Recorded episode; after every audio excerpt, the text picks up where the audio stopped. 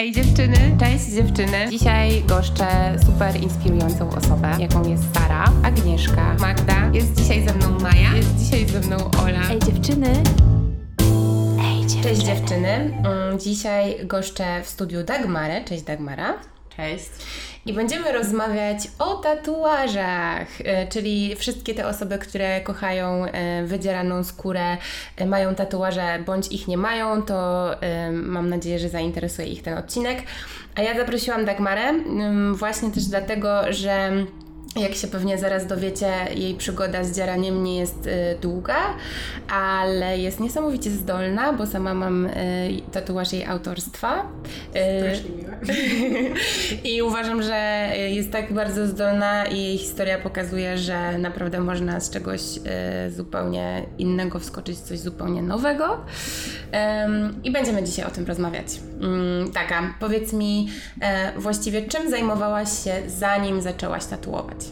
Zanim zaczęłam tytułować, to generalnie zajmowałam się tak hobbystycznie na początku fotografią i wideo i wiadomo, tam sobie dorabiałam na studiach gdzieś tam gastronomię, różne takie rzeczy, aż w końcu z moją przyjaciółką Kamilą e, postanowiłyśmy może spróbować iść w tą fotografię i wideo i faktycznie założyłyśmy taką mini firmkę, tak to można nazwać, e, nazywającym się Gniot.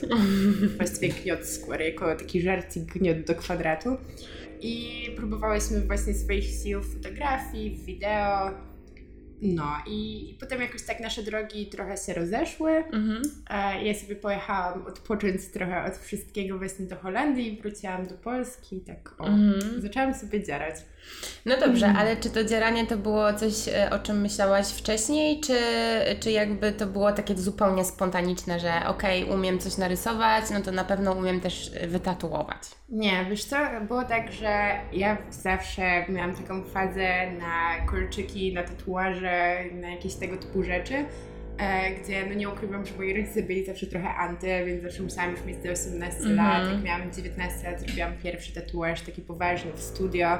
I, I nie ukrywam, że jakby sama sobie tam narysowałam projekt i w ogóle tatuażysta się zgodził jakby go wykonać. E, ale jakby myślałam o tym, że może zacznę, no bo przecież Mhm. rysuję, ale powiem szczerze, że to był tak odległy temat, tak bardzo nic na ten temat właściwie nie wiedziałam, tylko mi się to podobało, ale też szłam do tego studia i jak to jeszcze nie, no miałam 19 Mhm. lat, nie, czyli to było spokojnie, ojejku, z 6 lat temu Mhm. i jakby 6 lat dało duży rozwój jakby w w rozumieniu ciała i w Mhm. ogóle jakby w tatuażach i to, że to nie musi być kryminał i trochę zmieniło się jednak przez te 6 lat postrzeganie tego. Mhm. No to wtedy jeszcze też byłam na przykład pierwszy tak z, bardziej z mojego otoczenia jakaś pierwsza dziarka wleciała, Mhm. więc ja też poszłam z otoczeniem z sześciu, siedmiu koleżanek. Mhm. Oczywiście one siedziały w tej poczekalni to było wielkie wydarzenie w naszych życiach.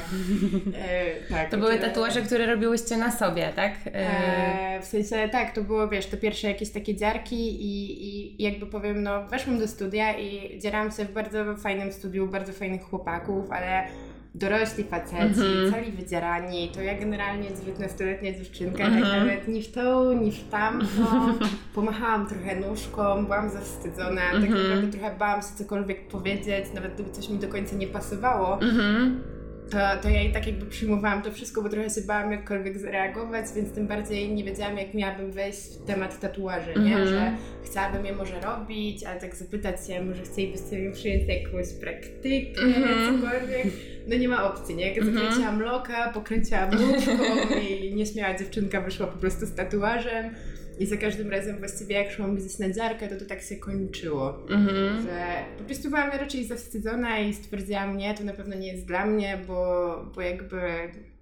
Nie no, czujesz klimatu. Nie, nie, nie nadaje się w ten klimat, nie, że trzeba jakoś tak bardziej do ludzi, że, że może w ogóle to, co ja rysuję, nie jest na tyle dobre, Mhm. że jakby, no takie zwątpienie w siebie, brak, totalnie brak takiej Mhm. pewności, nie? I Mhm. Jakby nie potrafiłam nawet o to zagadać, więc gdzieś to ucichło i tak naprawdę po pierwszym roku studiów już totalnie przestałam takie rzeczy graficzne rysować, nie? Tylko tyle, co na studia cokolwiek musiałam, Mhm. to tyle po prostu robiłam i w ogóle przestałam rysować i w ogóle bardziej właśnie poszłam w fotografię, w wideo, że tam może mi się uda jako taki freelancer coś tam Mhm. porobić i właśnie tak po swojemu. No dobrze, a tak jak y, zawsze się słyszy z kuluarów y, tatuażystów, y, przychodzi taki moment, gdzie ludzie sobie zamawiają własne maszynki i zaczynają dzierać się samemu w domu. Czy ty miałaś taki, taki epizod?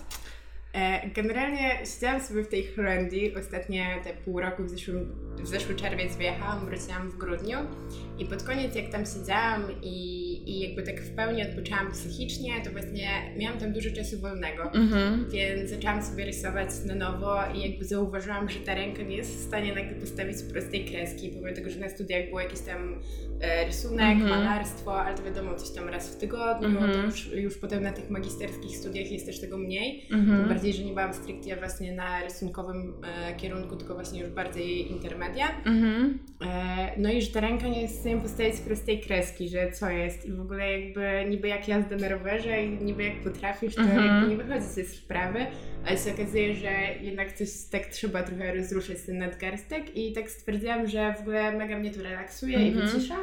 No i też jest to taki czasami odpowiednik Twoich humorów, nie? Że moi współlokatorzy nagle widzieli, że jak mam zły humor, to robię tak dziwne rzeczy, że się pytali, czy ty coś brałaś, w ogóle o co tu chodzi, i czemu ta postać ma zamalowane oczy całe na czarno i czemu łzy lecą w drugą Mhm. stronę, bo Mhm. są odwrócone. I jakieś takie rzeczy, a kiedy za to miałam jakiś mega dobry humor, to widzieli, że te prace są takie jakby słoneczne, Mhm. radośniejsze i w ogóle jakieś śmieszne że tam powstają różne dziwne rzeczy. I zaczęłam się tak rozkręcać i mówię, kurde, a może, może w ogóle ja powinnam żyć w tym kraju, może ja tu spróbuję czegoś Mhm. nowego. No i tak od słowa do słowa z moim znajomym właśnie tutaj z Polski, e, on coś tam mówił, że ma znajomego, który dziara, ale że ma jakieś tam stare maszynki i końcowo jakby wysłali mi te maszynki do Holandii, więc nie mogłam doczekać. A, I mój słomiany zapał, wtedy jakby nagle wzięłam starą cewkową maszynkę do ręki. W ogóle to chyba była jakaś strasznie taka już strana życiem maszynka i jeszcze taka chińska raczej, bym to tak nazwała, że wizualnie wyglądała ładnie, aczkolwiek było widać, że jest już na skraju swoich dni i Mhm. nie jest jakby najlepszą maszyną. E, to miałam problem w ogóle, żeby ją złożyć. I powiem Mhm. szczerze, przyznam się do tego, że musiałam odpalić jakiś tutorial na YouTubie, w ogóle gdzie ja mam włożyć igłę, bo ja zamówiłam sobie tą maszynkę, stwierdziłam, zacznę dziarać, a nie miałam Mhm. zielonego pojęcia nawet jak się igłę montuje i Mhm. o co chodzi z dziobami, o co chodzi z igłami, że RL, RS, Magnum, ja w ogóle nic nie miałam zielonego pojęcia na ten temat. E, także to było strasznie śmieszne i jak miałam więcej czasu, to wydzierałam dwa banany. Wydzierałam dwa banany i byłam taka, kurde, no jakoś idzie. Nie miałam żadnego stołu w pokoju, więc w ogóle dzierałam te banany na śmietniku metalowym. Czyli totalna partyzantka. Tak, ale jakby dostałam te paczki z tuszem, tylko ten tusz już był otwarty, nawet nie wiedziałam ile.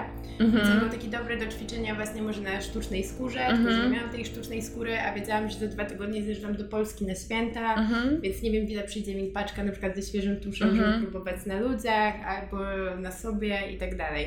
No i zamówiłam to wszystko do domu, do rodziców, wróciłam do Polski na święta, no i był ten tusz nowy, no i Mhm. wzięłam te maszynki ze sobą i mówię, no kurczę, nie, siedzę i kusi mnie to, kusi. Mhm. Mówię, spróbuję na sztucznej skórze, próbuję na sztucznej skórze. No i tam w zależności są różne grubości tej sztucznej skóry, ale zazwyczaj to jest takie, porównałabym to do takiego kawałka gumy. Mhm. I jakby gdybym miała tak mocno wbijać się w człowieka, szczerze powiedziawszy, to żeby został ślad, to chyba robiłabym już skaryfikację bardziej niż e, sam tatuaż. No i wyszło na to, że mówię, dobra, nie ma co, jakieś kawałki gumy. Położyłam sobie nogę na kolanie i przy kostce sobie myślę, co by sobie tu wydzierać? Mówię, Co może być proste na pierwszy raz? I mówię, dobra, zrobimy kwiatek lotosu, nie? No i wydzierałam sobie kwiatek lotosu. Robiłam to chyba jakieś dwie godziny. Ta Mhm. maszynka, przez to, że cewkowe maszynki to jest taka śruba o blachę, więc była trzecia w nocy i myślałam, że moi rodzice mnie wyrzucą z domu, a ja się też e, bałam, że jak moi rodzice to zobaczą, to w ogóle wyrzucą mnie z domu, bo są średnio za posiadaniem jakby tatuaży na mnie, że Mhm. mówią, że Dagmara już wystarczy, powstrzymaj się, gdyby zobaczyli, że ja to robię sama na sobie. Gdzie jeszcze nie potrafię tego robić, to w ogóle byłby, mam wrażenie, jakiś hardcore. Plus wtedy nawet jakby nie zadbałam o żadną taką typową sterylność Mhm. higienę, muszę się do tego przyznać, co było bardzo złe. E, no i tak. Ale czekaj, no też jak się dziarasz sama, to masz jakiś e, odczuwalny próg bólu. Nie stopowało cię to, żeby wykonać ten wzorek? E, znaczy, na początku jak to dzierałam, to wydawało mi się, że jest w porządku, e, aczkolwiek było widać, że jakby nie dość, że moja ręka się męczyła, bo jakby Mhm. byłam przyzwyczajona do tego, żeby trzymać maszynę, a te cewki stare są trzy razy cięższe niż na przykład ta maszynka, na której pracuję teraz, Mhm. nie? I nie dość, że przy tak małym wzorku na 2 cm moja w ogóle ręka się zmęczyła chyba po 10 minutach, Mhm. to w dodatku ja nie mogłam nawet trafić w tą samą kreskę i wiesz, on idzie tak lekko po ukosie, jak Mhm. masz położoną nogę na kolanie, to niby z daleka tylko nie widać, ale wszystko jest przechylone. No i jak się wygoił, a w ogóle strasznie długo się goił i byłam trochę przestraszona, że sobie zrobiłam jakąś krzywdę, że to jakieś Mhm. zakażenie, nie zakażenie, ale ja dalej jakby zero świadomości miałam o tatuażach, a mimo wszystko jakby zrobiłam to, bo czemu Mhm. nie? Przecież na skórze od razu wyjdzie najlepiej. E, no to końcowo zagoił się i jest taki, nazwijmy to gradiencik, nie? Że Tam, gdzie zaczęłam, jest Mhm. faktycznie czarne, a tam, gdzie kończyłam tę stronę, jest już taka lekko szarawa, taka zanikająca, było Mhm. widać ten próg bólu.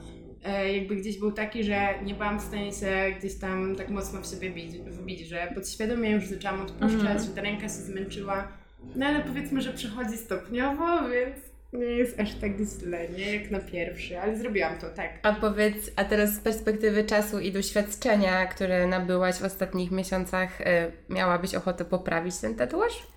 E, zastanawiam za każdym razem, jak siedzę w studio i mam chwilę czasu dla siebie taką, e, to mam takie, kurde, no może bym go poprawiła, ale szczerze powiedziawszy, myślę, myślę że nie. Myślę, że nie sprawiałoby Mhm. mi jakiejś takiej, aż takiej frajdy to, nie? Mhm. e, wbić się tak sama w siebie, bo też trochę to jest to, że jak zaczęłam to robić, to też bardzo doceniam, jak ktoś to robi. W Mhm. sensie takim, że to jest dla mnie taki czas jak trochę u kosmetyczki, nie? Że Mhm. ktoś się mną zajmuje, a nie jakimś, Mhm. nie? Więc jakby myślałam o tym, żeby go poprawić, a nie żeby ktoś mi go poprawił, a z drugiej strony nie wiem, czy w ogóle go poprawiać, bo jest fajną pamiątką. Jest Mhm. pierwszym wzorem wykonanym na człowieku, w dodatku sama na sobie.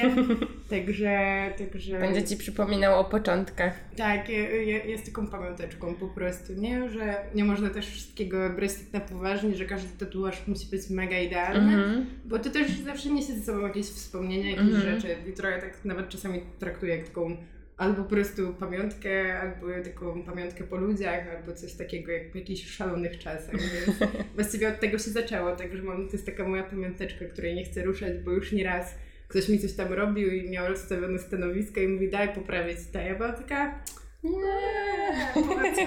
Na razie, na razie niech sobie będzie taki jaki jest. A powiedz, jak e, już e, zaczęłaś dzierać na sobie, e, to przysz, przyszły jakieś osoby tobie bliskie, na których mogłaś spróbować, czy już jakby od razu poszłaś szukać tego stażu w salonie tatuażu? E, właściwie to jest jeszcze śmieszniejsza historia, bo ja do studia poszłam i miałam tylko tą jedną zarę na końcu, którą zrobiłam na sobie, ten super kwiatek lotosu. E, i, I generalnie e, byłam taka, okej, to może porysuję więcej będę rysować codziennie i potem złożę to w jakieś portfolio i powysyłam do studiów. No i tak powysył- chciałam już wysyłać, robiłam sobie listę studiów, spisywałam sobie maile, ale tam był jakiś tam weekendzik i w ogóle śmieszna sprawa, bo poszłam sobie na Techenko i tam Dla spotkałam... tych, którzy nie wiedzą, czym jest Techenko, to jest po prostu impreza z muzyką techno. A tak, tak, prze- przepraszam. No i w każdym razie poszłam sobie na imprezę z znajomymi i tam spotkałam innych znajomych i jeden znajomy do mnie mówi no kurde, patrzę tam na ten Instagram, co wrzucasz, to się nadaje super wzory na tatuaże, czemu ty jeszcze tego nie robisz? Przecież Mhm. widziałem, że tam coś tam próbowałaś na tych bananach, że, że coś tam się działo, to czemu tego nie robisz w studio, nie? I czemu nie szukasz sobie praktyk? Ja mówię, stary, przecież to nie jest takie łatwe. On mówi, jak to nie? I temat się urwał i na następny dzień, w niedzielę, dostaję od niego jakiś tam milion wiadomości i tam nagle on mi wysyła, że pytał się swoich znajomych e, i że tu coś tam, i że ktoś otwiera, że oni nie szukają, ale że właśnie w tym studiu, do którego końcowo poszłam i w którym do dzisiaj jestem, że się otwiera właśnie nowe studio w Sopocie i żebym tam szybko spróbowała, bo jakby budują nową ekipę i że może będą chcieli praktykantkę. No i ja wtedy taka, okej, okay, szybko, trzeba złożyć to portfolio, co się dzieje, a ja rysowałam wszystko ręcznie na kartkach, więc szybko, mm -hmm. skaner, w ogóle wyciąć to, złożyć i w ogóle tak beznadziejnie to zrobiłam, tak totalnie w 10 minut w ogóle. E, no i wysłałam. Mhm. No i zobaczyłam, że studio otworzyło w ogóle tą wiadomość od razu, nikt mi nie odpisuje, ja sobie myślę, dobra. No i trochę, i oczywiście zabiera to pewność siebie. Mhm. I nagle w ogóle jest sobie kolejny piątek i dostaję wiadomość, no, że w sumie to, wiesz co, wpadnij, do nas to pogadamy. I ja na to patrzę i mówię, dobra, super, ekstra, kiedy? I oni wtedy tak patrzę, zero odpowiedzi i no dzisiaj siedzimy spoko do 18-19, to możesz nawet teraz wpaść. A ja od razu torebka i jak pokorzone wybiegłam z domu, jadę z tego Gdańska do tego Sopotu i pojechałam. Nie mogłam trafić, bo jest, no, był jakoś połowa chyba stycznia, jakoś końcówka stycznia i sobie myślę, no nie mogę trafić, jest mega zimno, nikt mi nie mhm. odpisuje. Mówię, w co ja wierzyłam, już taka podłamana, ale dalej dzielnie stoję na tym mrozie. No i wyszło na to, że w końcu tam mnie odpisali, znaleźli mnie, wzięli mnie tam, e, bo ja oczywiście po nawigacji krążyłam mm -hmm. między jakimiś dziwnymi kamienicami, nie sądziłam, że to mm -hmm. w tym pawilonie. E, no i tam się poznajemy, się przedstawiają wszyscy z ekipy. E, no i tam jakby oglądają ze mną to portfolio, jestem taką kurde, no w sumie to nikogo nie szukamy, nie myśleliśmy o praktykantach, bo w sumie dopiero studio się otwiera, mm -hmm. skręca, to nawet nie wiem, czy to jest taki dobry czas, żeby w ogóle mieć praktykanta. I nagle ich znajomy, który się dziara właśnie u nas u Wojtka, to mówi, o podoba mi się to morskie coś, mhm. to wydzieraj mi to. A ja na nich patrzę i mówię, okej, okay, nie, tak z beką, a oni, no to dziarasz. A ja mówię, słucham, ale jakby ja nigdy nie dzierałam na człowieku, zrobiłam sobie tylko to coś, ściągnęłam tą skarpetę i tą pokazałam. Ja mówię, wiecie jak to wygląda? Ja nigdy nie dzierałam na człowieku, jakby ja nawet wydzierałam jeszcze poza tym dwa banany i postawiłam dwie kreski na sztucznej skórze, że w ogóle to nie jest dobry pomysł, taki error, nie? Mówię, nie, może lepiej nie. No i końcowo wyszło na to, że um, koleżanka ze studia zaczyna mi rozkładać stanowisko ja w ogóle nie wiem, co się dzieje. Oni mówią, odrysowuj kalkę, wydrukowali mi to, tam przełożyliśmy rozmiar, wybraliśmy i ja nigdy jakby też nie, jak ja się dzieram, nie zwracałam mm -hmm. uwagi jakby jak to wszystko po kolei powinno wyglądać. Mm -hmm. Zawsze byłam taka podjarana, że idę na nową cerkę, że jakby nie zwracałam na to uwagi. I nagle to widziało się w ogóle tak szybko, był piątek w ogóle wieczór, mnie już w ogóle emocje roznoszą, nie wiem co się dzieje. I miałam takie zmarznięte, skostniałe łapy. Mm -hmm. I mhm. dostaję w ogóle maszynkę do ręki i wszyscy stanęli dookoła. Jak taka małpka w zoo, przestraszona, mówię, co jest? Oni naprawdę dają mi tą maszynkę, ja sobie myślę do ostatniej chwili, że to jest beka, nie? Że mm -hmm. zaraz mi ją zabiorą, żebym nie zrobiła człowiekowi krzywdy. Mm -hmm. Tym bardziej, że to nie była taka, nie wiem, 2 cm na 2 cm, tylko to spoko było takie 6 na 6, nie? Mhm. Czyli dla mnie to było takie... Już duże, co no. jest, nie? I dają mi tą maszynę i nagle, i w ogóle nagle ona jest lżejsza, bo mm -hmm. co ja mam. Już rotacyjna, taka lepsza i w ogóle. I nie dość, że jest nagle trochę, wiadomo, cięższa niż ołówek, ale jest lżejsza i tak dalej, to mówią, dobra, tu sobie naciągnij, tu spróbuj tak, tu spróbuj mm -hmm. w tą.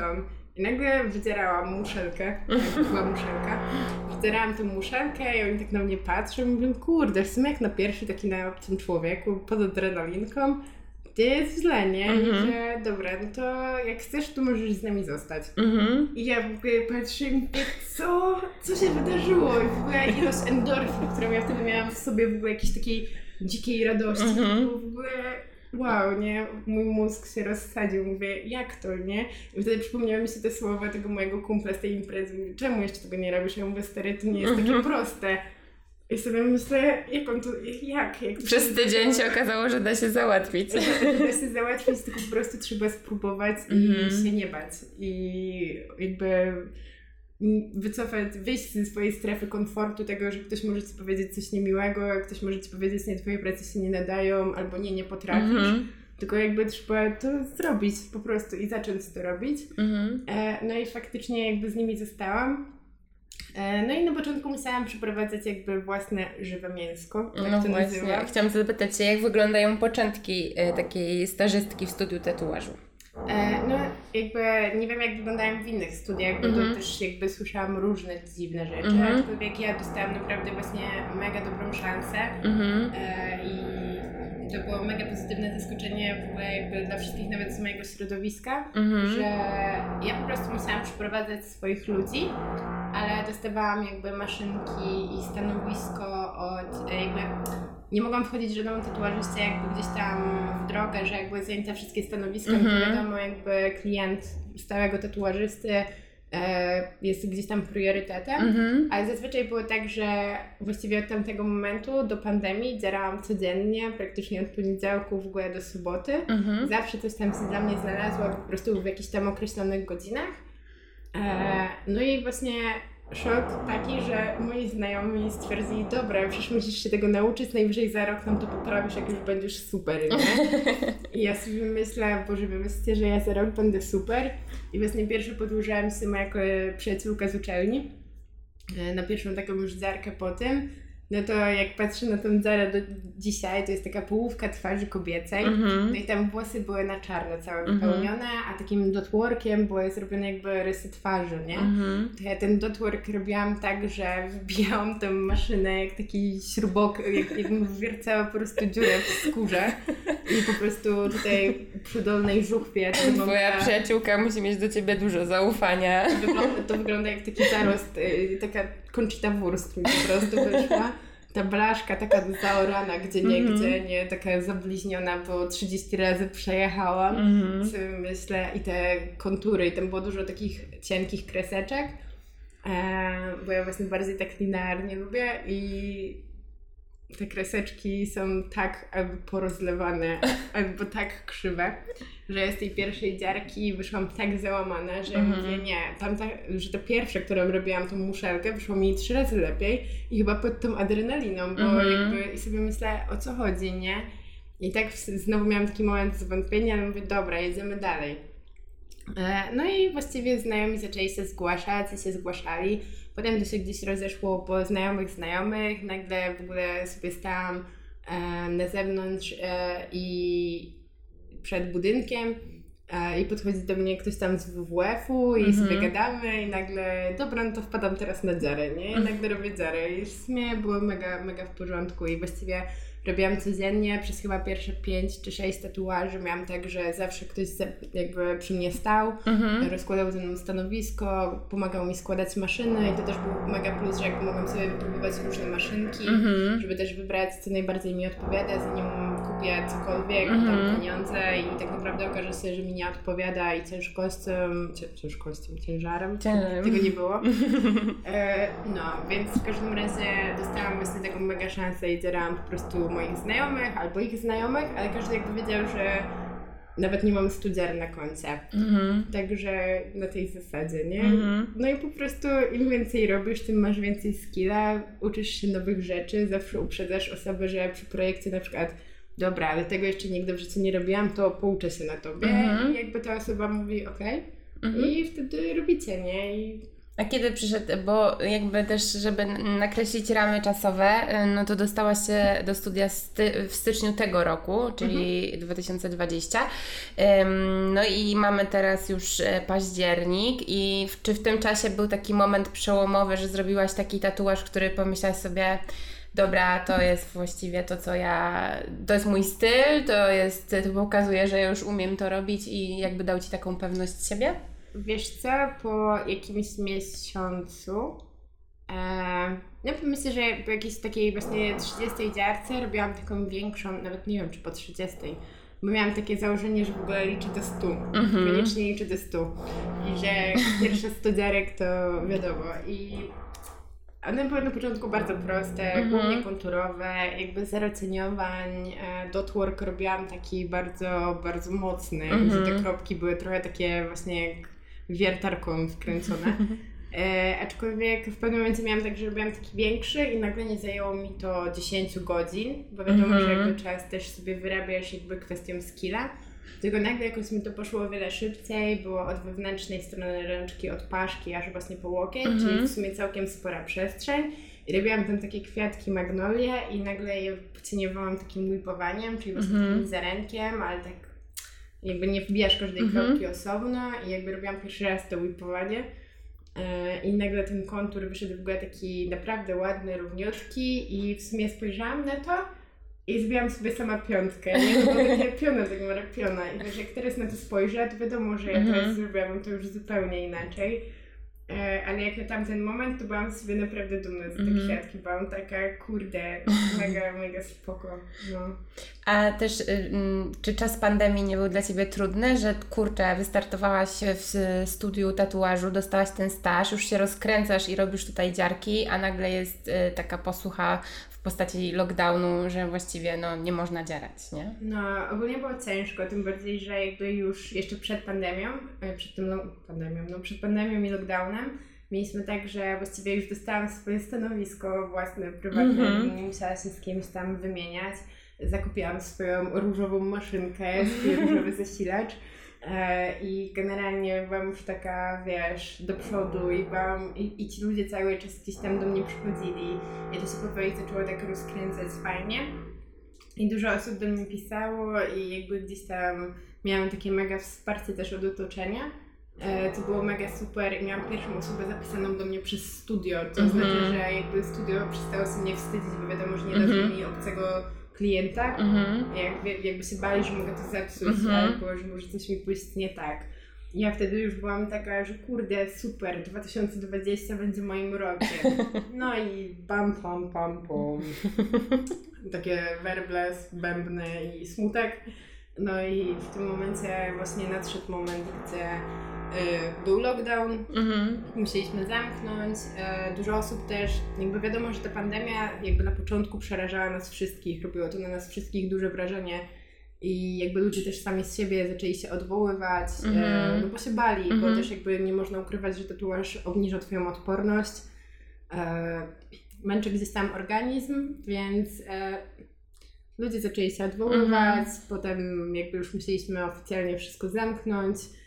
No i nagle siedzisz w domu i miałam postanowienie, że dobra, nie poddajemy się, nie? Jeszcze tego samego wieczoru, jak już wróciłam ze studia i to był właściwie ostatni wieczór, mówię, dobra, tu mam jakąś skórę sztuczną, mam te stare maszynki cewkowe, już wiem jak one działają, wiem co z nimi robić. E, nie jest to tak fajne jak ta maszynka, którą zostawiłam w studio, ale ja mówię, to na pewno nie potrwa mega długo, dobra, robimy, Mhm. nie? I ćwiczyłam na tej sztucznej skórze, żeby ręka nie odzwyczaiła się, żeby nadgarstek cały czas czuł ten Mhm. ciężar, e, żeby w ogóle robić i mówię, będę rysować minimum jeden projekt dziennie, żeby potem były wolne wzorki z tego, żeby utrzymywać ludzi, że tak, damy radę, że dalej jesteśmy wszyscy. No ale wiadomo, minął miesiąc. Ja w ogóle zaczęłam robić jakieś totalnie dziwne projekty, bo już po prostu jak człowiek siedzi Mhm. w czterech ścianach zamknięty i tak naprawdę jest strach wyjść do sklepu, trochę też nie wiadomo o co chodzi, mieszkałam z rodzicami, więc jakby też musiałam się trochę pod to dostosować. No to siedzę w tym pokoju i tak naprawdę tylko jem, leżę i coś tam staram się rysować. To zaczęłam w ogóle mutować dinozaury z jakimiś dziwnymi zwierzętami i robić moje kwarantannowe mutanty. Ale cały czas starałam się coś tam jakby pokazywać też na tych Instagramie, że coś robimy, że się dzieje, że jakby dalej chcemy, tylko jest lockdown. No Mhm. i nagle minął miesiąc, a to się nie kończy, tylko jakby jest coraz gorzej mam wrażenie. No to jakby stopniowa tendencja spadkowa. Mhm. Takie siedzenie w domu, bujanie się tak krześle, właściwie nie wiesz, czy wstałaś z łóżka trzy dni temu, czy właściwie cały czas leżysz w tym łóżku, Mhm. jesteś taka zagubiona. No i jakby tendencja spadkowa doszła do tego, że mówię, dobra, stop. Zaczęłam robić nic poza jedzeniem i oglądaniem seriali na Netflixie. Z czego seriale na Netflixie mi się kończą i zaczynam oglądać jakieś filmy z 2000 roku o jakichś nastolatkach czy cheerleaderkach w jakiejś amerykańskiej szkole. Jest źle, nie? I mówię, dobra. E, zainwestowałam sobie w tablet i stwierdziłam, że to jest idealny Mhm. moment, żeby nauczyć się pracować na tablecie, bo wcześniej wszystkie projekty robiłam ręcznie, więc jak komuś nie pasowała jedna kreska, to mogłam powiedzieć, ej stary, wyobraź sobie, że jej tu nie ma, Mhm. albo rysować na nowo. Mhm. I A też jak wiadomo, klienci nie zawsze mają taką wyobraźnię, żeby sobie zwizualizować ten projekt, Tak, nie? I, I takie przerysowywanie było dosyć. em, no wiadomo, no po prostu też czasochłonne i, i też po prostu cięższa jest praca z klientem. No więc wzięłam ten tablet, przyszedł tablet, no to na Mhm. nowo zajawa i mówię super ekstra.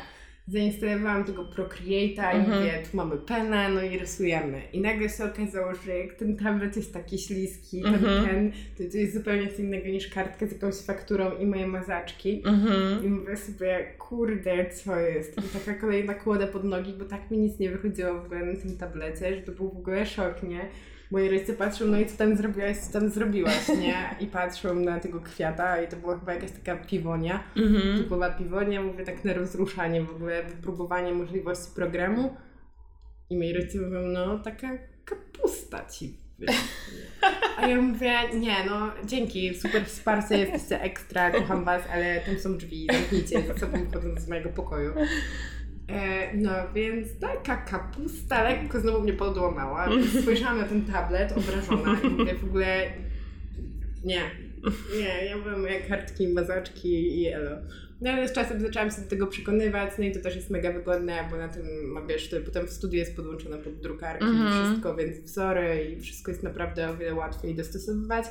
No i też łatwiej się pracuje nad projektem już na przykład stricte w studio, nie? Mhm. Z klientem, także polecam jednak się nie Tak. załamywać. E, No ja miałam przyjemność w lipcu, w czerwcu, nie pamiętam, nie, w sierpniu. Jakoś to było z dwa miesiące temu, naprawdę nie pamiętam kiedy, ale to było niedawno, to było lipiec, sierpień, jakiś Tak. mm, e, być na tatuażu e, u Dagmary z moją przyjaciółką, bo zrobiłyśmy sobie takie e, friends matching tattoos, więc może, nawet później może wrzucę na Ej Dziewczyny w ramach promocji tego odcinka. Mm, Natomiast co mnie urzekło to to, że właśnie po pierwsze Dagmara do nas podeszła bardzo profesjonalnie i my tam zmieniałyśmy 15 razy w sumie koncept, jeśli chodzi o słońce, księżyc, bo mniej więcej takie motywy są w tym tatuażu.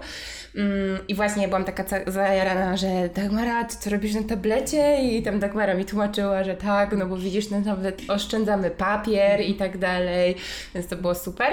No ale co mnie też urzekło, to atmosfera, bo mm, wspomniałaś na początku, że tak jak sama chodziłaś e, jako nastolatka e, do studiów, e, do studiów tatu- tatuażu, po tatuaż dla siebie, no to czułaś e, taki trochę strach, że może nawet nie powiesz, że coś Ci się nie podoba, e, że jesteś taka skrępowana, bo ci panowie w tych tatuażach, oni są tacy bezpośredni, są kochani ogólnie, tylko to jest taka fasada trochę może e, przez jakieś stereotypy. A ty tak właśnie do nas e, bardzo podeszłaś tak czule, pytałaś się, czy wszystko jest ok, czy na pewno nam się podoba 15 razy. E, Czy to jest też coś, co mm, zostałaś jakby mm, wyczulona i nauczona przez osoby ze studia, czy to jakby wynika już e, totalnie z ciebie i z twojego podejścia? Znaczy, wiadomo, że jakby kontakt i próby rozmów z klientami Mhm. i tak dalej, jakby to zmienianie, to, to jest też kwestia tego już jakby ilu klientów miałaś, że widzisz różne zachowania, widzisz obawy ludzi Mhm. e, i tak dalej. E, wiadomo, że jakby w studiu też zawsze mówią, wiesz, lepiej zapytać się trzy razy, a nie ktoś ci powie tak, ale potem wydzierasz, zegnie ręka, tam jednak skóra się zgina i Mhm. mhm. to jest logiczne i myślałeś, że ta osoba to widzi, ale ona jednak nie zwróciła na to uwagi, Mhm. bo jest zbyt przejęta. Więc zawsze też powiedz o sobie, żeby sobie odeszła, bliżej Mhm. dalej do lustra, poruszała na przykład tą ręką, zobaczyła jak ta skóra pracuje. Mhm. Przepraszam. No i, i na tej zasadzie e, to wiadomo, że jakby takie bardziej podprofesjonalne gdzieś tam dogadywanie się z klientem, to też wynosiłam właśnie z tego, że też e, oni mi mówili właśnie moi koledzy z pracy, Mhm. ale też na przykład obserwowałam, jak oni rozmawiają z klientami. No i przede wszystkim w ogóle jakby ja chyba mam trochę taki charakterek, żeby wiedzieć, że ktoś czuje się bezpiecznie Mhm. i jakby właśnie tak jak było mówione, że ja na początku gdzieś tam kiedyś byłam przestraszona, to jakby mega mi zależy na tym, żeby ktoś wyszedł naprawdę zadowolony i za te kilka lat sobie pomyślał nawet jak jakby zmienia się gdzieś tam koncept albo Mhm. coś takiego, to powiedział, kurde, ale w sumie było fajnie, Mhm. jakby spoko, spoko ludzie, fajna atmosfera i jakby dla mnie to też jest mega ważne, bo nawet jak robimy małą dziarkę, która załóżmy zajmie nam godzinkę, czy coś takiego z rozstawieniem stanowiska, albo nawet jak będziemy robić dziarkę, która dłużej trwa rozstawianie stanowiska Mhm. niż samo dzieranie, bo dzieranie trwa 5 minut, bo jest to załóżmy kreska, kropka, kreska, Mhm. to powiedzmy sobie, że dla każdego jakby to, że dla mnie dziarki już czasami mogą być taką totalną głupotką Mhm. i nie zwracam aż tak uwagi, że nie muszą mieć dla mnie jakieś znaczenie, to jakby szanuję, akceptuję to, że dla, po niektórych ludzi jest to wielkie wydarzenie, tak jak kiedyś było dla mnie. I chyba miło jest się czuć takim zaopiekowanym, takim, Mhm. że jednak spędzamy ze sobą ten czas i taka cisza między Mhm. nami może niekoniecznie dobrze wpływać na samopoczucie tej osoby, a jednak często jest tak, że ktoś źle reaguje na przykład jednak na igłę Mhm. i wystarczy tę osobę trochę zagadać, a ona, ja mówię, dobra, skończyliśmy, ale jak to, to ty już skończyłaś? Ja mówię, tak, już jest koniec, nie? Bo właśnie jakieś takie żarciki, tego typu rzeczy zawsze dobrze wpływają i jest taka Mhm. fajniejsza atmosfera, też jest pewniejszy w ogóle taki fakt tego, że może ktoś będzie chciał do nas wrócić, Mhm. wiesz, nawet może niekoniecznie do mnie, bo jednak na przykład będzie chciał coś w realizmie, Mhm. ale że wtedy spojrzy tak czy siak na nasze studio albo coś takiego, więc jakby staram się tak, żeby każdy czuł się taki zaopiekowany, Mhm. bo, bo to jest po prostu fajniejsze, nie? Wtedy jesteś taka bardziej pewna tego, co robisz, a też milej spędzasz czas. Mhm. I też jakby szybciej leci ten czas na dzieraniu, że jak faktycznie są jakieś bolesne miejsca i widzisz, że ktoś cierpi, ale no nie mogę nic z tym zrobić, Mhm. no jakby to są takie miejsca, przez które trzeba przetrwać i przebrnąć, bo czasami tak jest. To, to mimo wszystko wiesz, jak jest taka fajniejsza atmosfera Tak. i widzisz, że ktoś tam się pyta, czy wszystko jest okej, czy dobrze się czujesz, czy potrzebujesz wody, może chcesz kawę, może chcesz przerwę, nie wiem, możemy sobie pośpiewać może jelenia, albo jakieś takie śmieszne rzeczy, to zawsze, zawsze jest raźniej. No i też jakby u mnie w studiu jest taka możliwość, nie, że Mhm. jakby założyciele studia mieli też takie podejście do tego, że bardzo, że przeszli też przez ileś tam studiów i że bardzo zależy im na takiej rodzinnej atmosferze. I faktycznie aktualnie mamy taką ekipę, że ja spędzam z nimi codziennie praktycznie czas gdzieś tam od 12 do 19 i jadę tam nawet jak nie mam żadnego terminu wpisanego, to i tak jadę do tej pracy Mhm. Wypić sobie z nimi kawę, pogadać sobie z ich klientami, w ogóle jakby spędzić z nimi czas i nawet na wolno potrafimy To sobie prawda. wyskoczyć. Właściciel y, salonu, jak byłam z Andzią y, się dzierać, nawet zaproponował nam swój własny obiad, że nam odda, bo byłyśmy głodne, więc, więc naprawdę wszyscy są bardzo mili. A powiedz Dagmara, czy zdarzyły Ci się takie sytuacje, gdzie ktoś przyszedł ym, nie do końca przekonany ym, na tatuaż, nie wiem, może to była jakaś młoda osoba, starsza, nie ma to znaczenia, y, ale po prostu nieprzekonany, mm, może niepewien też trochę tego, co robi i na przykład oczekiwał trochę od Ciebie, że Ty zadecydujesz za niego. Y, Jakby chodzi mi o takich klientów, którzy mm, się wahają, boją się. Jak w ogóle pracujesz z takimi osobami? No właśnie to jest to, że musisz sobie chwilę porozmawiać z takim człowiekiem, w ogóle wiesz, że najpierw się przedstawić, powiedzieć cześć, jestem Dagmaria, spokojnie, nic złego tu ci się nie wydarzy, e, chcesz kawkę, to Mhm. porozmawiajmy o projekcie i może zrobimy, na przykład ostatnio miałam kilka osób na na przykład znak nieskończoności, Mhm. który jakby gdzieś tam nie ukrywajmy aktualnie jest taki nie dość, dość mocno klepnięty, to dużo osób się gdzieś tam z niego śmieje. Mhm. I jakby ja nie mam problemu zrobić znak nieskończoności, aczkolwiek zawsze na przykład staram się pogadać z tą osobą, że może chciałaby to na coś innego zamienić, albo może coś do tego dodać, jakoś to rozbudować, albo jakoś tak rozwinąć to i tak trochę na przykład przekonać. Mhm. E, I faktycznie ostatnio zamiast takiej nieskończoności skończyło się na kotku i Mhm. zrobiliśmy projekt kotka i wydzierałyśmy kotka albo coś takiego. Po prostu jakby trzeba poznać trochę tą osobę i trochę z nią pogadać, aczkolwiek nigdy nie podejmuję decyzji za kogoś. To znaczy wolę na przykład odesłać człowieka do domu, Mhm. tak zwanego pacjenta, po prostu odesłać do domku i powiedzieć, dobra, umówimy się na na przykład inny termin, musisz to przemyśleć, take your time. Bo Mhm. jakby nie chcę być potem odpowiedzialna za to, że ktoś jednak powie, nie, nie chciałam tego na ręku, to jest zbyt widoczne, to jest za Mhm. duże. Tym bardziej, że ja na przykład mam tendencję do tego, że jak wybieramy rozmiar, to ja zawsze mówię, że większe jest lepsze, nie? I generalnie gdzieś tam jest coś takiego, a wiem, że po niektórzy lubią bardzo subtelne Mhm. maluszki. E, I ja jakby mogę doradzać kwestią miejsc, to jakby, że na przykład tu skóra tak pracuje, więc na przykład no nie możemy tego zrobić za nisko, za wysoko, e, że załóżmy tutaj najbliżej dłoni, nie? Mhm. Że ta skóra... No, ja mam akurat taki tatuaż y, sprzed już dwu- 10 lat, jak się okazuje, tak, 10 lat, który Dagmara mi uświadomiła, że jest trochę za wysoko zrobiony, nie? I pewnie nawet gdybym teraz go chciała poprawić, to może by było ciężko. No, jest to takie małe ryzyko, że będzie świeży przez chwilę, a potem przez to, że ta skóra przy nadgarstku Mhm. właściwie cały czas pracuje, a jest mega cienka, to, to właściwie to siłą rzeczy i nawet nie błędu ani tatuażysty, Mhm. ani właściwie złego zadbania o to, e, gdzieś tam się te linie rozejdą, Mhm. bo ta skóra po prostu cały czas pracuje, więc to jest takie miejsce na ładne wykańczenie na przykład cieniami, a nie na Mhm. stricte jakiś mocny kontur, napis czy coś takiego, bo to wiadomo, że z czasem po prostu zrobi się Rozlane. No. lekko rozlane, czy się lekko rozejdzie, na przykład tylko w niektórych miejscach, gdzie było na przykład trochę mocniej wbite, Mhm. nie? czego na początku przez na przykład rok, dwa nie widać, to po, potem, potem się dzieje, nie? No bo ręką Mhm. jednak dłońmi cały czas ruszasz. Więc ja mogę doradzać ludziom na tej zasadzie, ale nigdy nie podejmę jakby ostatecznej decyzji Mhm. co do wzoru. I jeżeli widzę, że ktoś patrzy na ten wzór, a jest taki mm, mm, to ja mówię, dobra, to spoko, to ja idę wstawić kawkę, Mhm. Zostawiam cię tutaj z tym tabletem, popatrz sobie na to i wrócę z kawką i powiesz mi, co myślisz. Bo czasami też zauważam, że ci ludzie czują taką presję od nas, że Mhm. leci nasz czas i że Mhm. podejmę tą decyzję już szybko. I że czasami trzeba tego człowieka zostawić samego z tym projektem, Mhm. sobie popatrzy i bez mojego oddechu na karku jakby, nie? No i wtedy na spokojnie. I faktycznie jakby miałam chyba tylko raz taką sytuację, że dzierałam osobę, która po wydzieraniu, gdzie przed dzieraniem wszystko spoko, był wzór odbity, wszystko spoko i po wydzieraniu generalnie, gdzie wszystko robiłam tak samo jak było i to już było właśnie po pandemii, powiedziała, nie, nie chcę tego tatuażu. Mhm. I ja nagle dostałam wielkich oczu i mówię, słucham?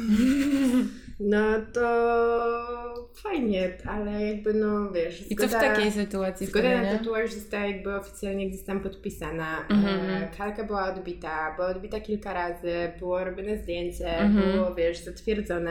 I jakby ja nie wbiję w kogoś igły, jeżeli ktoś mi nie powie 300% tak. Mhm. I no było powiedziane 300% tak, więc wydzierałam i to nie jest tak, że ręka mi uciekła na drugi koniec w ogóle Mhm. ciała i jest jakiś babol, tylko jest zrobione tak jak było i to w ogóle był tylko jakiś taki w ogóle mały trójkącik z jakąś kreseczką czy coś Mhm. takiego. No i nagle aferka i ja Mhm. mówię, wow, co się dzieje? To była pierwsza taka moja sytuacja.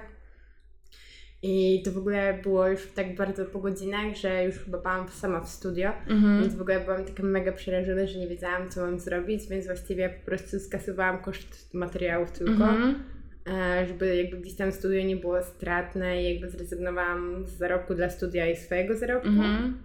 No i jakby niby wszystko jest okej. No aczkolwiek gdzieś ta sprawa troszeczkę się ze mną czasami potrafi ciągnąć, bo ta osoba czasami potrafi do mnie napisać, że ona nie wie, co z tym zrobić.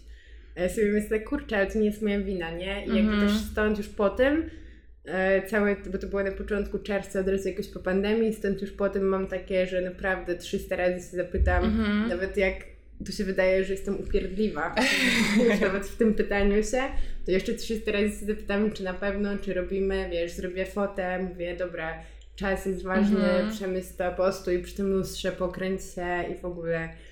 A czy jakby- myślisz, że są tacy klienci, którzy robią takie rzeczy trochę z premedytacją, że mm, na przykład y, mówią, że im się nie podoba, bo na przykład koszt tatuażu będzie wtedy niższy? E, wiesz co, ogólnie ja się tak zachowałam, nie wiem jakby się zachowali moi znajomi Mhm. e, jakby z studia i tak dalej, e, znajomi z fachu. E, myślę, że ktoś na przykład by zszedł, ale nie tak aż tak na przykład jak ja. I nie wiem, czy są akurat tacy klienci, bo no mówię, to była jedyna sytuacja, Mhm. z którą jakby się tak spotkałam, nie? I od tamtego momentu nie miałam jakby ani jednej osoby, która by, nawet jak zaczynałam, która by powiedziała, że w ogóle nie, nie podoba mi się to, co zrobiłaś, Mhm. albo nie, jednak tego nie chcę. Mhm. E, To była jakby pierwsza taka dziwna sytuacja, jakby tej osobie tak trochę jednak klepka się odkleiła, jakbym rozmawiała nagle z inną osobą. Mhm. I może faktycznie to było takie podejście, że może, wiesz, coś więcej jeszcze z tego wyciągnie i Mhm. zapłaci. No ale kurczę, no czasami to jest takie lekko irytujące, że jak ktoś ma takie podejście, to strach się bać po prostu jakim jest człowiekiem, Mhm. nie? Bo jakby gdzieś to jest moja praca aktualnie i właściwie żyję z tego, Mhm. także no, No. nie da się, wiesz, jakby potem na ładny uśmiech się zastanawiam, a ja na ładny uśmiech dostanę chleb w żabce, pan przyjmie zapłatę za Tak, mieszkanie za tak, ładny uśmiech Tak, i to jest takie, Tak. wiesz, tak. E, A Dagmara, powiedz mi, mm, co lubisz najbardziej w obecnej pracy, mm, którą wykonujesz? Mm, tak szczerze powiedziawszy, mega lubię ten taki luzik. Jest to mega odpowiedzialna w ogóle praca jak dla mnie. I no bo jednak robisz komuś coś, co teoretycznie zostaje na Mhm. całe życie. E, albo coś, co dla kogoś może mieć bardzo duże znaczenie. Um, aczkolwiek właśnie to jest mega urokliwe, w takim sensie, że jest taki luzik pracy, że przychodzisz, jakby ty ustajesz sobie gdzieś tam klienta na jakąś godzinę, przychodzisz, wiesz, zrobisz kawę, pogadasz z tą osobą, ustajecie na przykład projekt, wiesz, odbijecie, zaczynacie Mhm. działać i potem masz kontakt z tym człowiekiem i no, ja jestem trochę człowiek monolog, jak widać, albo słychać raczej. E, I też jest tak, że ja po prostu tak dużo gadam do tych ludzi, że czasami mi się wydaje, że ich męczę swoją osobą. Naprawdę. I, I mam takie, kurde, mega lubię kontakt z ludźmi, wyjść do tych ludzi e, i właśnie też mega lubię jakby moich znajomych ze studia. Oni są dla mnie jak taka druga rodzina, naprawdę. Strasznie, strasznie całym serduszkiem lubię po prostu przebywać w tym miejscu. E, No i ten komfort taki pracy, że chcę zrobić sobie przerwę teraz, bo trochę Mhm. ręka mnie boli, to zrobię sobie przerwę teraz, że Mhm. chcemy zjeść, to może chodźmy w ogóle razem na jedzenie. W Mhm. ogóle poznaje się bilion nowych osób i czasami tak ciekawych, które mają tak dużo do powiedzenia i nagle człowiek zdaje się tak, poznajesz ludzi z każdego możliwego środowiska i nabierasz mega dużo też doświadczenia w ogóle w takich relacjach międzyludzkich, co jest też w ogóle strasznie ciekawe. I te pomysły w ogóle na Mhm. tatuaże, które po niektóre to będą takie typowe Pinteresty, wiadomo, ale po niektórzy dają ci tą możliwość freestylu. I Mhm. powiem tak dziwne pomysły i sobie myślisz, co wy macie w głowach, a potem sobie myślisz, ogranicza nas tylko wyobraźnia. I Mhm. właściwie sama zaczynasz jakby to robić dla nich i łapiecie jakieś takie dziwne flow i Mhm. możesz tak się jakby trochę też wyżyć artystycznie, w ogóle dać taki upust emocji takich wewnętrznych i to przelać. I to jest naprawdę mega fajne i w ogóle jara mnie to, że robię coś dla kogoś i ten człowiek ma na sobie i Mhm. może być z tego zadowolony, albo jak na przykład robisz komuś dziarę, która ma dla niego naprawdę znaczenie sentymentalne, albo jest powiązana z jakimiś zdarzeniami, a tak też się zdarza, że nie działa to tylko jako Mhm. forma ozdobiania ciała, tylko jako taki sentymentalny jakiś gest, na przykład po kimś albo coś Mhm. takiego, to ci ludzie potrafią się do ciebie otworzyć, w ogóle opowiedzieć ci całe swoje życie. W międzyczasie ty trochę im opowiadasz swoje, ale potem ta osoba potrafi po prostu wstać i się do ciebie przytulić i ci Mhm. podziękować i wtedy aż ja mam takie łzy w oczach i się robi tak ciepło na serduszku i sobie myślę, jejku, mam ochotę złapać za policzki jak takiego mapecika i w ogóle powiedzieć, jejku, zostać ze mną na zawsze i w ogóle to jest strasznie urocze. No i przede wszystkim to, że gdzieś tam cały czas jest jakieś kreatywne działanie, nie? Mhm. Przy ludziach, kreatywnie, ale też właśnie nie masz takiej spiny, nie mam nikogo takiego nad sobą, jakby nawet powiedzmy właściciel studia dalej jest jak przyjaciel i nie ma czegoś takiego, że stoi ktoś nade mną, wiesz, od tej do tej godziny musisz robić, Mhm. musisz to, tamto, więc naprawdę trafiłam też na bardzo fajne miejsce. nie? Mhm.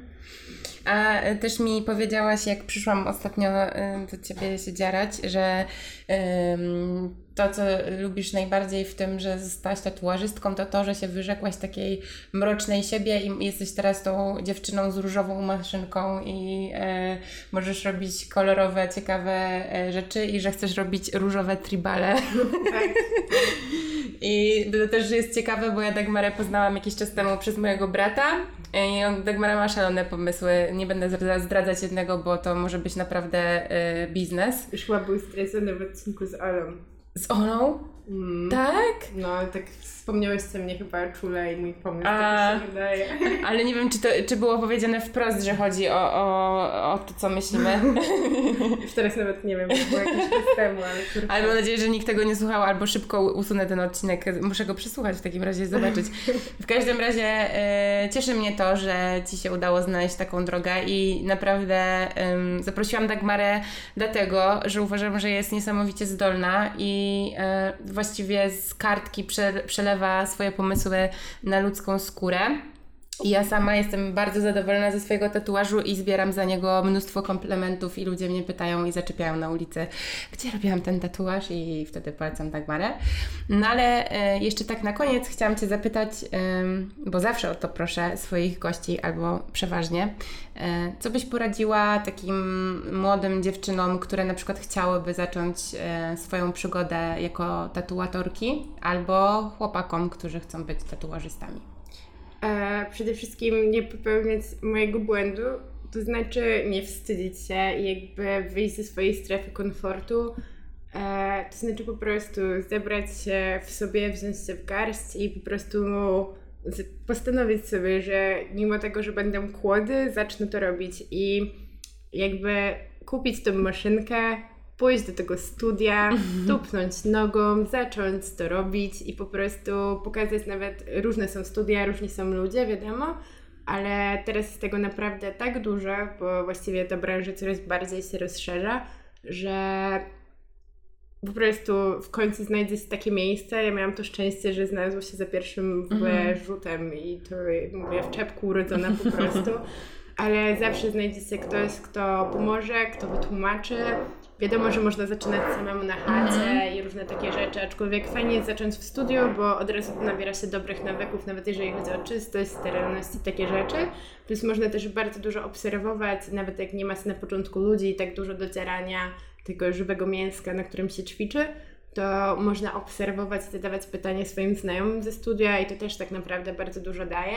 Przy okazji poznaje się ludzi, właśnie widzi się tą pracę z klientem, więc po prostu tupnąć nogą, ścisnąć piąstkę, zagryźć ząbki, wyjść ze strefy komfortu i takiego wstydu, czy jakiegoś takiego zagubienia się i po prostu niezależnie ile razy będzie na nie, w końcu się znajdzie coś na tak i wtedy zacząć to robić nie na 100, tylko na 200% i jakby oddać się całemu sobą w to, w to po prostu, jeżeli się faktycznie to lubi, to, to to pójdzie do przodu, tak? Wierzę w to, że to na pewno musi pójść do przodu, jeżeli ktoś to lubi i ma jakiś tam pomysł na siebie, to na pewno to wyjdzie. No i przede wszystkim to też daje bardzo duże fajne możliwości, że można jeść na guest spoty, poznawać nowych ludzi, na guest spoty można jeździć nawet za granicę. I, no ja aktualnie się w ogóle wstrzymuję, bo się czuję, że może jeszcze jestem świeżaczkiem, ale właśnie muszę docisnąć piątkę, tylko też czekam aż trochę ta strefa pandemiczna jakby co, co się będzie działo, więc jeszcze chwilę czekam z takimi decyzjami. Aczkolwiek jest to fajne, poznaje się dużo ludzi i po prostu trzeba, trzeba tylko chcieć i tupnąć nogą. Tak, to jest moja rada. Strasznie zawikle to powiedziałam, ale w skrócie, tupnąć nogą i zacząć to robić. I nie myśleć, że może poszukam jakiegoś kursu albo takich rzeczy, bo szczerze powiedziawszy, dla mnie e, wszystkie kursy, które dotychczas widziałam, że gdzieś się pojawiają, to jest troszkę pic na wodę. Mhm. E, oczywiście pewnie nie mam wiedzy o wszystkich, które istnieją, aczkolwiek nikt cię tego lepiej nie nauczy, jak po prostu twoje doświadczenie, tym bardziej, że każda skóra jest inna, każdy człowiek jest inny i każde miejsce jest inne. I, I tak naprawdę się nie da. Właściwie codziennie idziesz z niewiadomą i codziennie uczysz się czegoś nowego. Więc trzeba po prostu Praktyka najzwyczajniej w świecie. tak robić, robić, robić i się z tego cieszyć przede wszystkim, nie? Mhm. I dawać jak najwięcej z siebie. E, Bardzo Ci, Dagmara, dziękuję za ten odcinek e, i życzę Ci samych sukcesów i dużo fajnych dziarek i szalonych ludzi, którzy będą się zdawać na Twoją kreatywność i, i oddadzą Ci swój kawałek skóry. E, dziękuję pięknie i tak, dziękuję. Mam nadzieję, że tak będzie i oczywiście zapraszam serdecznie. Tak, zapraszamy. Dagmara, e, do, gdzie zapraszamy, żeby to też było jasne, gdzie dziarasz i gdzie E, można Zapraszamy znaleźć. do Sopotu, do studia TED Bless You, e, znajdującym się na Monciaku. E, można znaleźć w ogóle całe studio i wszystkich bardzo super ludzi, z którymi pracuję. E, super duszyczki, kochanych ludzi na naszym jakby Instagramie TED Bless You. Mhm. E, no a mnie prywatnie po Instagramie Dagmara Heger. Tak, będzie, oznaczę i studio, i Dagmarę, więc myślę, że łatwo się znajdziecie. Dobra, to zapraszamy na dziarki. Pewnie, różowe tribale, z przyjemnością, proszę. Różowe Kto tribale chce różowego tribala, ręka w górę. Dagmara podniosła. Dzięki, Daga. Dziękuję.